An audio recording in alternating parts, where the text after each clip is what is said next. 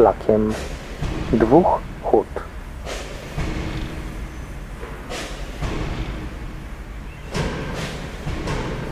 Znajdujemy się przy ulicy Andrzeja Mielenckiego 29. Lekarza zamordowanego w Katowicach w roku 1920. Mural przedstawia tramwaj o bardzo charakterystycznej sylwetce rozpoznawalnej w całym kraju, ponieważ ten właśnie typ wagonów produkowanych w chorzowskim Konstalu był obecny we wszystkich polskich miastach, które miały linie tramwajowe. Co zresztą uwiecznił na okładce swojej książki zatytułowanej Chorzów Anno Domini 2000 Nietypowy przewodnik po mieście dla młodzieży i dorosłych, jej autor Roman Liczba. Obok nas, wybudowana w latach 1977-1983 osiedle Irys. Dotkliwie dokuczały mieszkańcom PRL-owskie fuszerki i brakoróbstwo. Symboliczna jest stopniowa katastrofa jednego z bloków.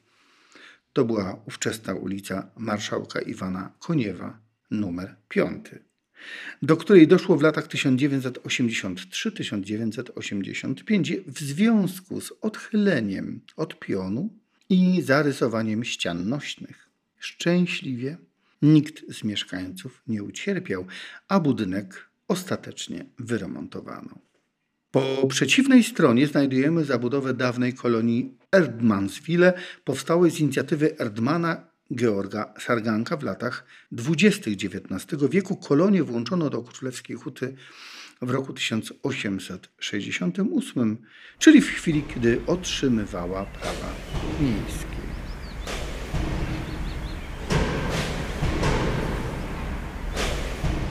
Za pierwszą linią zabudowy znajduje się ulica Władysława Truchana, gdzie najmłodsze lata życia spędził Ryszard Riedel urodzony w 1956 roku, zmarły w 1994, legendarny wokalista zespołu Jam.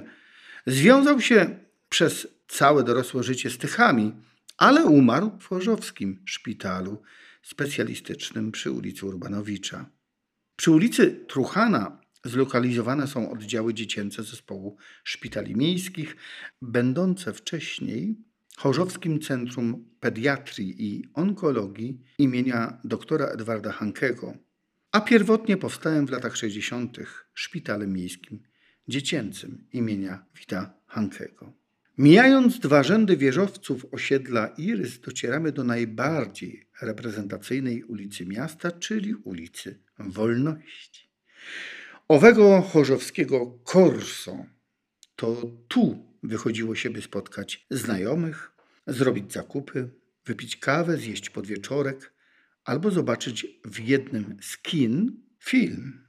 Idąc w tę stronę, dawne chorzowianki nie zapominały włożyć kapeluszy i bardziej uroczystych części garderoby. Zlokalizowany jest nieopodal jeden z trzech pierwszych w Polsce drapaczych mur, wybudowany w latach 30. XX wieku.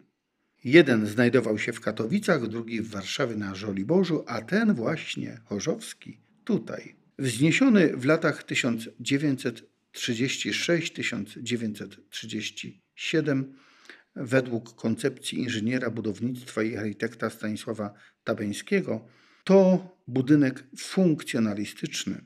Mieścił siedzibę komunalnej kasy oszczędności. Elementy stalowe wykonano oczywiście w Hucie Królewskiej. Wówczas nosiła już imię Józefa Piłsudskiego.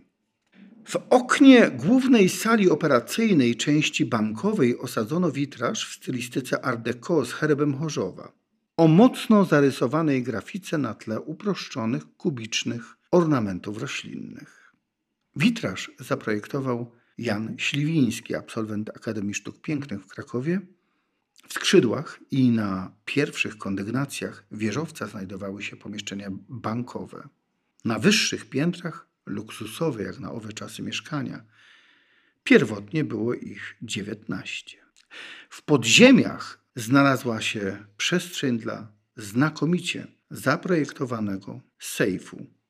Idąc od muralu wzdłuż ulicy Milenckiego na południową, dotrzemy do kompleksu zespołu szpitali miejskich, dawniej Szpitala Miejskiego nr 3 imienia Mielęckiego, przy ulicy Strzelców Bytomskich z charakterystyczną wieżą, która spełniała podwójną funkcję. Była zarówno wieżą ciśnień, jak i spalarnią, służącą do utylizacji odpadów medycznych